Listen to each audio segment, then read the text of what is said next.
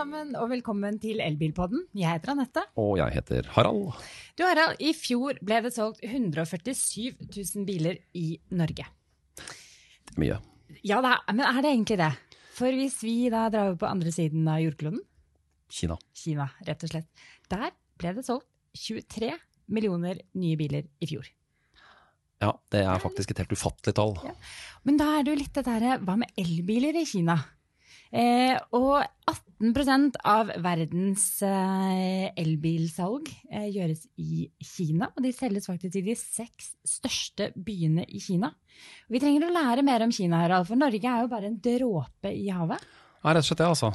Så da er det jo like greit å få inn eh, Peter Aaren, som er redaktør i bladet Motor. Du har akkurat vært i Kina, så vi er jo veldig nysgjerrige på hva du har gjort der borte, Peter. Ja, jeg har prøvd å lære litt om bil.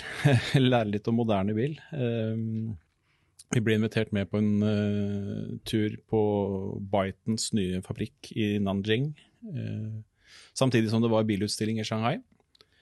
Og fikk se et, uh, en bilhverdag som er ekstremt annerledes enn den norske, men som samtidig har i seg mange av de tingene som vil bestemme hva slags bilhverdag vi får i Norge. Altså, Byton, for å fortelle lytterne, det, det er jo et uh, bilmerke, et industrimerke i Kina. Vi har sett noen busser, elbusser i Norge som kommer fra Byton. Hva er Byton? Byton, det, Byton er ikke disse bussene. Uh, for Byton er et oppstartsselskap uh, som er med kinesisk kapital og tysk bilindustrikompetanse paret med amerikansk IT-kompetanse. De er en liten snakkis i bilverden fordi de nest, i høst begynner de produksjonen av sin første modell helelektrisk bil, som har en gigantisk skjerm, 48 tommer, over hele fronten. Som rett og slett hvor bilen rett og slett ser annerledes ut enn biler flest. De kobler lavutslipp, teknologi, eh, på en måte som ingen bilprodusenter har gjort før. Eh, men dere har likevel mye klassisk bilkunnskap eh, i staben. Ja, for at Hvem er det som står altså På kapitalsiden det er nå én ting, men hvem er det som bygger da disse bilene? Er det, er det kineserne selv som bygger dette her, eller har de uh, henta inn det de kan av eksperter? Altså I utgangspunktet er det kinesisk kapital. Eh, tre store investormiljøer i Kina. Eh, men det er mye tysk bilkompetanse, og hovedgründeren i selskapet er tysk. Eh, kom til Kina for eh, drøyt 20 år siden og studerte kinesisk. Og kinesisk økonomi og kinesisk utviklingspolitikk. Eh, og han har eh, senere jobbet i bilbransjen flere steder i verden, etter Daniel Kirchert. Eh, men han eh, fant jo en kone i Kina og bor i dag i, i Hongkong og har eh, vært det meste av sitt liv i, Kina. Og han ble invitert av disse investorene til å, til å gründe det bilselskapet som i dag er Byton, eh, som er en salig blanding av kinesisk, tysk, amerikansk kompetanse. Eh, på den nye fabrikken i Nanjing så har du ansatte fra eh, drøyt 20 nasjoner. Så det er en, det er, uh, det er moderne verden. Men uh, du Petter, uh, har som noen av noen få fått slippe inn i fabrikken her. Det kommer en tisiders reportasje i bladet Motor. Det blir veldig spennende å lese. Men hvor og den reportasjen ligger her som en uh, korrektur. Det er det som er spennende. Kan løfte litt på den for dere som ser på oss. Hvor svært er Kina og dette med bilproduksjon? Ja, bare for å parkere Biten, så er det en, en, en liten eh, prikk på bildet i Kina. Kina er Kina har, I 2009 så passerte Kina eh, USA som verdens største bilprodusent. Og de er i dag det særklasse største markedet, eh, både når det gjelder kjøp av bil og produksjon av bil. Eh, en tredjedel av verdens biler lages i Kina. Og det vet jo ikke vi i Norge, som er vant til tyske og, og etter hvert amerikanske og, og, og, Volvo, svenske merker. Vi vet jo ingenting om dette, vi. Volvo er kinesisk merke. Mm. Ja, det er det nå, da. nå, men, men, eh, det er et godt eksempel på det. At, men poenget er at Kina eksporterer jo nesten ikke biler. De eksporterte 600 000 biler i fjor. Av 23 millioner produsert. Så de har et ekstremt stort hjemmemarked eh, som de konsentrerer seg om. Og det er verdt å tenke på. ikke sant? I EU så bor det 400 millioner mennesker. Mm. Eh, der ble det solgt i fjor 15 millioner biler. I Kina så solgte de da eh, 50% mer, altså 23 millioner biler. Og de har et, en middelklasse, en ganske holden middelklasse, som teller 300 millioner mennesker. Så deres hjemmemarked er nesten like stort som EU. Hvorfor skal de da sende bilen ut i verden? Det gjør de fordi at de nå eh, Verden blir eh, mindre, i den forstand at det blir enklere og enklere, og de ser nye markeder komme mot seg, og de kommer til å gripe den muligheten. Ja, fordi, fordi det er jo det denne her podkasten handler om nå. Det er eh, denne episoden. Det er nå kommer jo kineserne. Og når de først kommer, så de gjør jo ikke ting smått. De gjør jo ikke ting uh, uten å legge alt de kan bak. Hva er det vi egentlig kan vente oss nå? Vi kan vente oss noen nye kinesiske merker, men det gjenstår jo å se hvor eh, dominerende de blir eh, når det kommer til markedsandeler og slike ting. Vi kommer til å se nye bilmerker i Europa og, og i Norge eh, som vi aldri har hørt om. Det, mange venter nøyaktig den samme historien med kinesiske biler som vi har med japanske og koreanske, som gikk fra å være noe fryktelig rart og morsomt til å bli eh, prefererte merker i, i Europa og i USA. Det er all grunn til å tro at Kina vil ha en lignende utvikling. Eh, Men om det tar fem år, eller ti år, eller 20 år, eller 30 år, det, det er jo åpent. Eh, Men eh, det viktigste er at det er, liksom, det er noen drivere i det er noen helt sentrale drivere i utviklingen av bilindustrien som på mange måter er på sitt aller sterkeste i Kina. Eh, og de tre trendene det er eh, miljø, altså klima, og, det som da henger med seg når det kommer til elbilproduksjon og lavutslippsbiler. Det er eh, teknologisk utvikling som er enorm, eh, hvor kjellkjørende biler bare er en, en liten del av det. Og så er det det faktum at verdens befolkning bor i større grad i byer enn før. I byene er det ikke plass. Så den urbaniseringen kommer til å påvirke hvordan bilholdet vårt er. Det er ingen andre steder i verden eh, man har et bilhold som i Norge, hvor alle har, bare kan bygge seg en garasje til hvis de skulle få en bil til. Eh, det, det, sånn er det ikke. Ja, du kalte dette her for, for I andre land så er dette at vi har en garasje og kanskje to og tre biler sånn, det er sci-fi i andre, andre land. Ja, Det er i hvert fall et overklassefenomen. Mm. For folk flest så er det ikke sånn at eh, det er plass til biler. Eh, det er ikke noe selvsagt investering å kjøpe en bil eh, hvis du bor i en, eh, en stor by. For det er ikke noen steder å sette den, og det er ikke noe poeng å ha den, for du blir stående i kø. Eh, og det eh, tar jo bilindustrien innover seg, eller har tatt, veldig fort. Og de, det er jo ikke ett bilselskap i dag, eller én bilprodusent i dag som ikke har eh, ganske langt framskredne planer om hvordan de skal tjene penger på å leie ut biler. Ja, for det du snakker om nå, Peter Aaum, det er ikke bare bilen, men bilholdet som er i en dramatisk endring i forbindelse med bl.a. urbanisering og klima. Ja. Jeg tror at den, eh, Noe av det som er mest fraværende i den norske bildebatten, er eh, det faktum at ute i den store verden så har de helt andre rammevilkår enn du har i Norge. Og Det kunne vi for så vidt levd godt med hvis dette var norske produkter. Men er det noe vi ikke lager, så er det jo biler. Altså Vi er de siste som bestemmer hvordan bilene skal se ut i morgen. Mm. Eh, fordi vi er et knøttlite marked. Vi er 1% av det europeiske markedet, som da igjen er lite i forhold til det kinesiske. Sånn at eh, hva, hva Norge foretrekker av biler, det, det er i, beste fall kuriøst. Mm. Men, men hvordan, hvordan blir bilholdet? Hva, hva tenker disse store produsentene, sånn som, så som uh, kinesiske produsenter, da, med byer som er flere ganger Norges størrelse i folketall? Hvordan blir bilholdet framover? Det blir jo slik at det blir en oppgave for dem å tjene penger på at biler eh, er i drift mer enn 5% av tiden, som de er nå. Eh, selv i Norge så står bilene stille 95 av tida eh, i snitt. Og Da blir det en oppgave for dem å finne ut hvordan kan vi skape god business på at bilene kjører mye mer. Altså gjennom delingstjenester og, og løsninger hvor du kjøper mobilitet som en tjeneste når du trenger det. framfor at du kjøper en investerer en årslønn eller to i en bil du bruker en sjelden gang, og ikke vet hvor du skal parkere. Så det tradisjonelle kjøpet der kunden får blomsterbukett av bilforhandleren, og så er handelen over, og så er det et service- og ettermarked, det er ikke fremtidens modell? Ja, det vil i hvert fall utfordres av at st i store deler av verden så er ikke det eh, en bærekraftig business.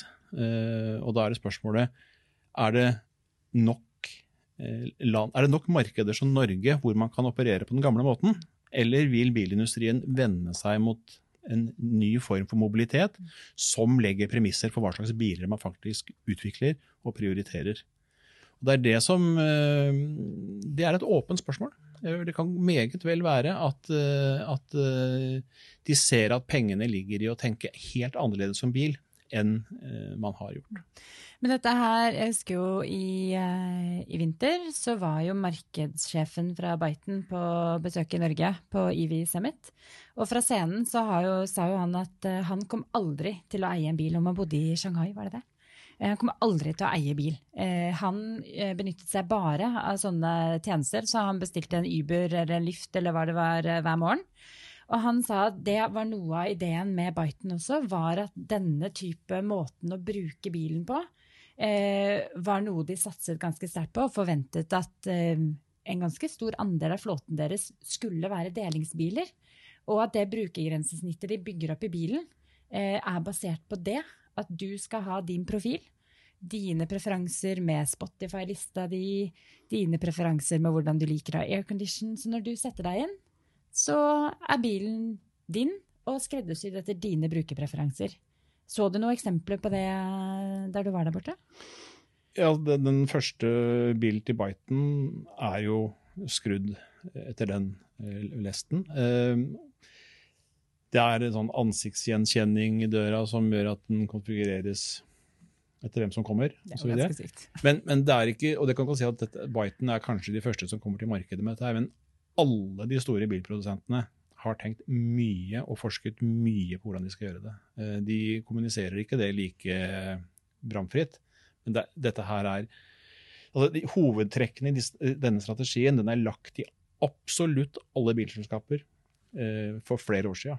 Spørsmålet er bare når ruller de ut. Eh, en av utfordringene er jo med det europeiske bilmarkedet er at eh, bilindustrien i Europa er ekstremt industrialisert. Volkswagen har 600 000 ansatte.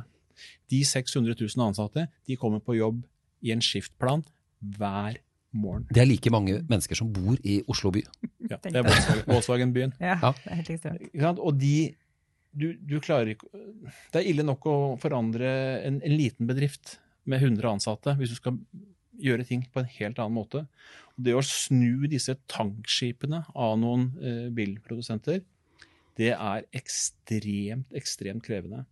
Og det har hjulpet Kina eksempel, til eh, en voldsom fart, fordi at de har sluppet den arven. De har sluppet den gamle måten å lage bil på.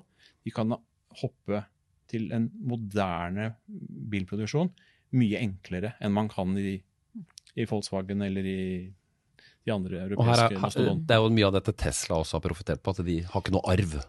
Det er nøyaktig det samme. Mm. Men litt tilbake til, eh, til ditt besøk i, eh, i, Kina. Hvordan var det å bli tatt imot som en norsk journalist der nede? Har de, vet de hvilket land du kommer fra, og hvordan elbilen står her? og har de Skjønner de dette? Som en norsk journalist vet jeg ikke om det er så lett å komme dit. De kom som en besøkende, eh, ja. fordi eh, det er en eh, dette ble ordna i hui hast, og det er en ekstremt komplisert prosedyre å bli eh, få journalistvisum. Så vi var jo invitert som besøkende til, til eh, fabrikken, eh, mer enn som journalister. Men det var jo en del av disse som var på, på Vi var en åtte-ti stykker kanskje, eh, som var der eh, Som også var på bilutstillingen i Shanghai. Som for øvrig er dobbelt så stor som noen annen bilutstilling. Eh, så vi var da en dag på tur til Nanjing, som ligger to, to og en halv time med lyntog ut fra Kina. Ut fra Shanghai. Mm. Det sier jo sitt. To og en halv time med lyntog. Men Fikk du noe tid til å gå litt rundt i gatene og se litt uh, ja, generelt på, på, byen og livet? Og hvilke observasjoner var det du gjorde? Uh, jeg, Jeg kjenner jo ikke Kina, jeg har aldri vært i Kina før. Eh, men jeg syns jo Shanghai var en fantastisk vakker by. Eh, mye mindre støy og bråk og biler enn jeg hadde ventet. Eh, men det er klart det er jo kraftige begrensninger på hvem som får eie bil. Ja, det det. Og hvem som får kjøre bil. Og, og, for det er rett og slett begrenset. Hvis du har 25 millioner mennesker på et begrenset område, så kan ikke alle kjøre i bil. Så enkelt er det. Det er en, et metrosystem som de bygget for noen år siden, som er helt fantastisk. Eh, man går på kryss og tvers i byen. Eh, der er det tjåka fullt fra morgen til kveld, eh, selv om togene går absolutt hele tiden, på alle linjer. Eh, og uten det så vet jeg ikke hvordan det hadde gått. Så dette er jo nærmest et eksempel på uh, urbaniseringen og fremtidens uh, bilhold. At vi må dele, rett og slett. Det er disse svære, svære kinesiske byene. Ja, og de er gode eksempler, men uansett hvor du reiser, så vil du se at det er eh, Det er ikke plass, rett og slett, i de store byene til en bil til alle. Hvis du har sittet lenge nok det, For 20 år siden kunne du sitte en dag i trafikkø i Bangkok. Den som har gjort det, vet at det er ikke noe sted å gjemme denne bilen. Det, det, det, er ikke plass til alle. Vi må gjøre det på en annen måte.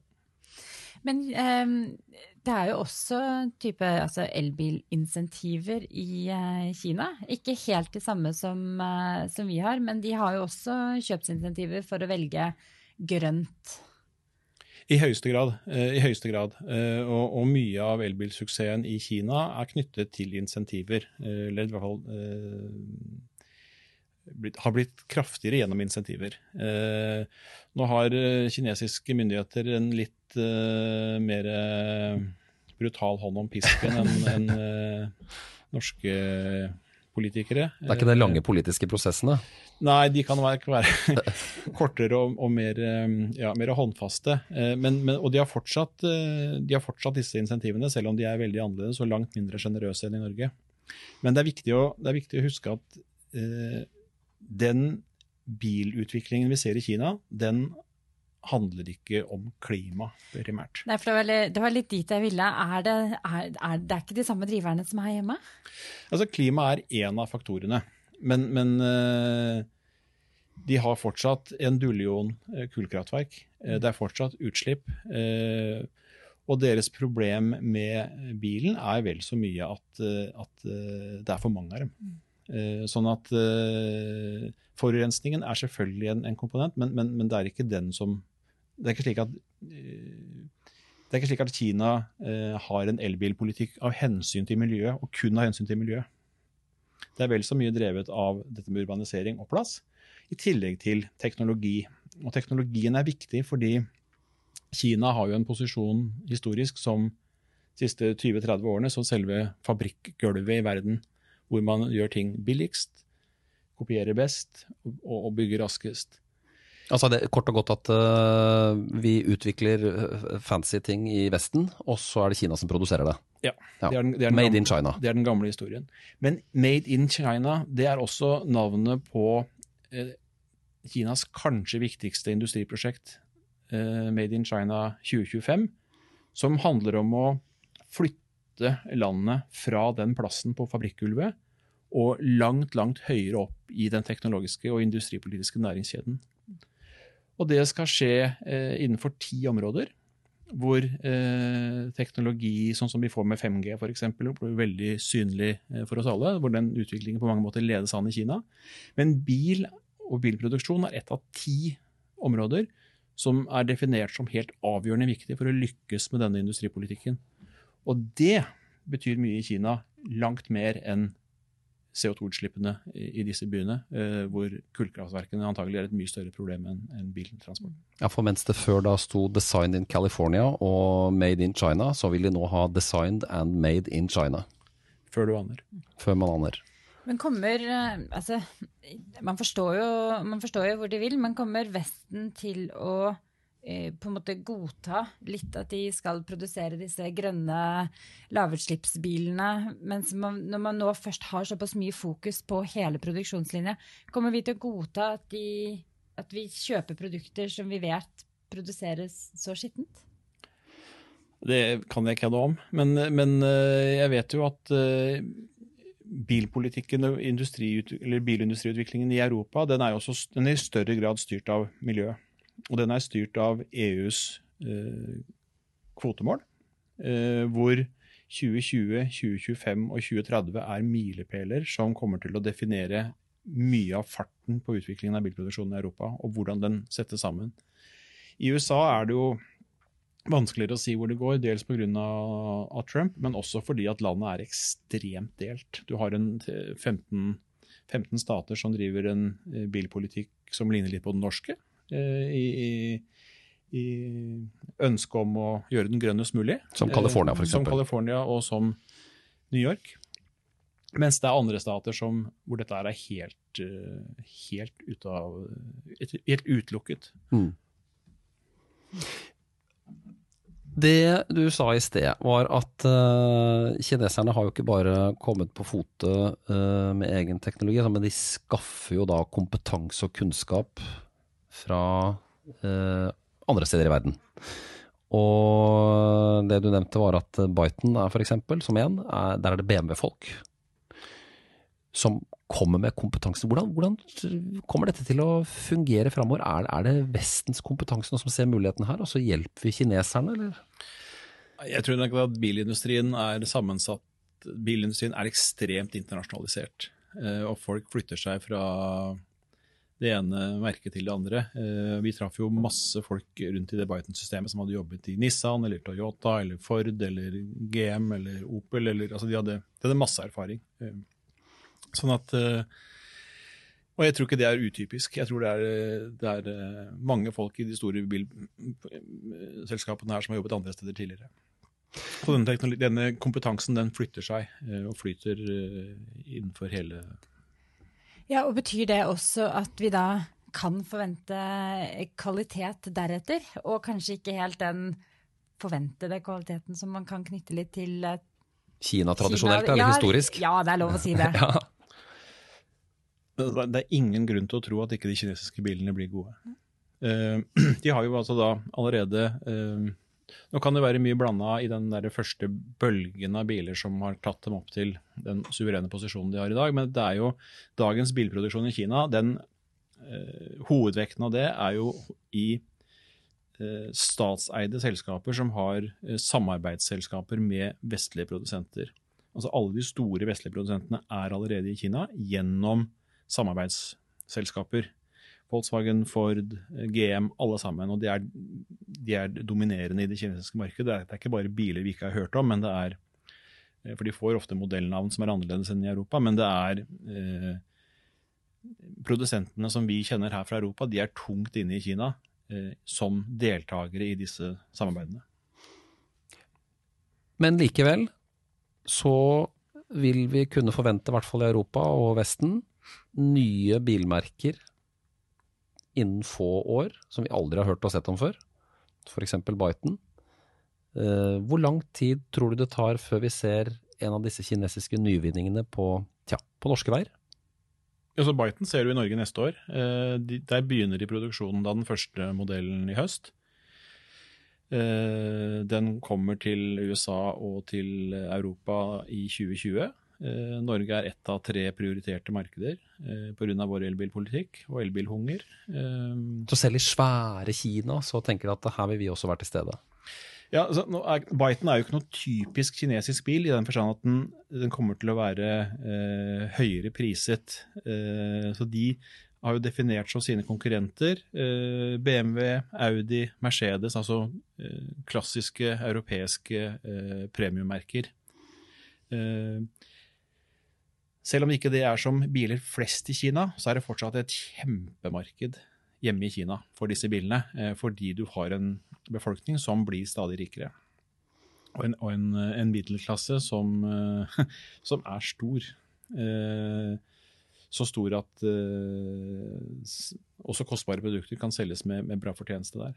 men den vil jo komme rett inn i det sjiktet av biler vi ser i Norge under eh, E-tron og EQC og, og dette her, som etablerer seg som litt dyre biler i Norge. Eh, og de kommer til å kunne konkurrere på pris på en måte som eh, kan bli ubehagelig for mange av de andre. Mm. Dette her er kjempeinteressant.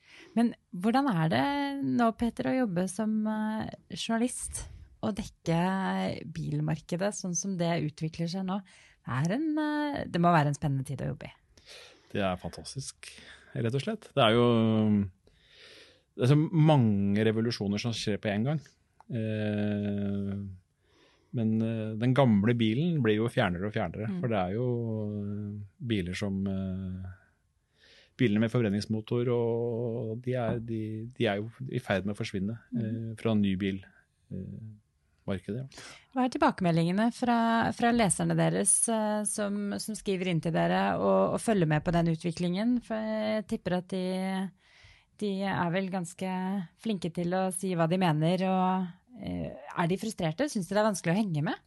Ja, men, men det er klart det er vanskelig å henge med. Men, men det, som, det, altså, det, er viktig å huske på at i et norsk marked så er det De fleste bilkjøpene er jo bruktbiler. Eh, vi kjøper eh, mer enn tre ganger så mange bruktbiler som vi kjøper nye biler. Og for de aller fleste av oss så er, eh, så er problemene knytta til eh, bruktbilkjøpet langt mer eh, langt nærere enn en, disse drømmene som eh, er med Biten eller Tesla eller hva det måtte være. Sånn at uh, For mange så er det jo sånn at vi står i en fase hvor elbilene så vidt begynner å nærme seg et bruktbilmarked. Mm. Men litt til dette med litt med Kina igjen. Altså, er alle de kjente merkenavnene, sånn som i hvert fall vi her i Vesten, er de forberedt? Har de, vil de klare å, å, henge med, og vil de klare å levere? Følger de med i timen, rett og slett? Eh, altså underforstått. Er det bilmerker som kommer til å forsvinne? Ja, det er det helt sikkert. Altså, det, er helt sikkert. Hvis det skal komme 20 nye, så er det noen som må ut.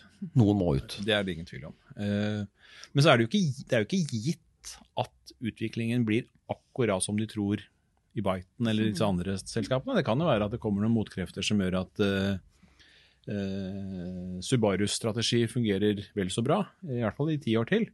Men det er jo ingen tvil om at uh, jeg, tror nok at de hovedtrendene er så tunge at de som ikke er forberedt på at bilholdet endrer seg, de kommer til å få problemer.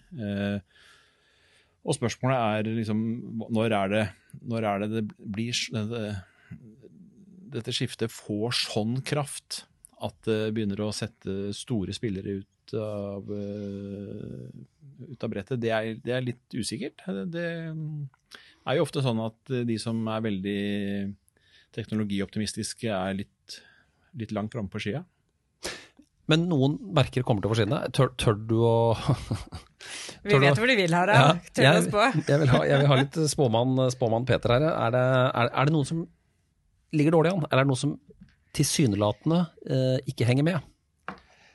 De har i hvert fall satsa på litt ulike hester. Nå er det mange som mener at, eh, og det er jo ikke noe, det er jo en påstand som kommer ofte, at Tesla kommer til å være eh, utsatt. Eh, på tross av teknologien og alt det forspranget de har? På, på tross av det, for, men fordi de mangler mye av det som bilindustrien eh, er tufta på, nemlig ekstrem kompetanse på stordrift. Mm. Og det, eh, det, er godt mulig de klarer seg, eh, men det er også godt mulig at de ikke klarer seg. Eh, og da er det en annen, noen andre faktorer enn det teknologiske skiftet. Men i det Biten-miljøet så er det jo Det har du ikke lagt skjul på. Mange av dem er jo rekruttert fra BMW og fra, og fra det, den delen av BMW-konsernet som var tidlig ute med lavutslippsbiler hvor de var enormt frustrerte over hvor seint BMW har handla. Eh, nå kommer jo BMW med en del eh, elektrifiserte biler, eh, men de snakker jo samtidig ut av den ene munnviken som om de skal selge bensin- og dieselbiler i stort monn, i hvert fall fram til 2030. Og en, kanskje en, en elandel som er så lav som 30% Og det, det tror jeg kan bli Det tror jeg er defensivt. For eh, når, eh, når, Volkswagen kommer med sin flåte av helt nye elbiler den ID, i den ID-serien, så tror jeg de vil på mange måter vippe spillet i Europa eh, på en måte som blir veldig ubehagelig. Når du da får Kina i tillegg, så tror jeg en del av de som er litt bakpå, BMW kan være der, Fiat kan være der, de kommer til å få slite. Det blir veldig spennende å se. Dette blir også Det blir utrolig spennende. Og da er det bare å, å bare følge med på, for dere som er NAF-medlemmer, abonnere på Motor. Der vil det stå mye av dette her, og på motor.no. Så regner jeg med Peter og kollegene følger nøye med Ja. og publiserer det de kan. Og veldig hyggelig at du kunne komme til oss i studio, Peter, og fortelle litt mer om eh, hva du opplevde i Kina. Jeg gleder meg til å lese reportasjen. Det var det for i dag, Harald.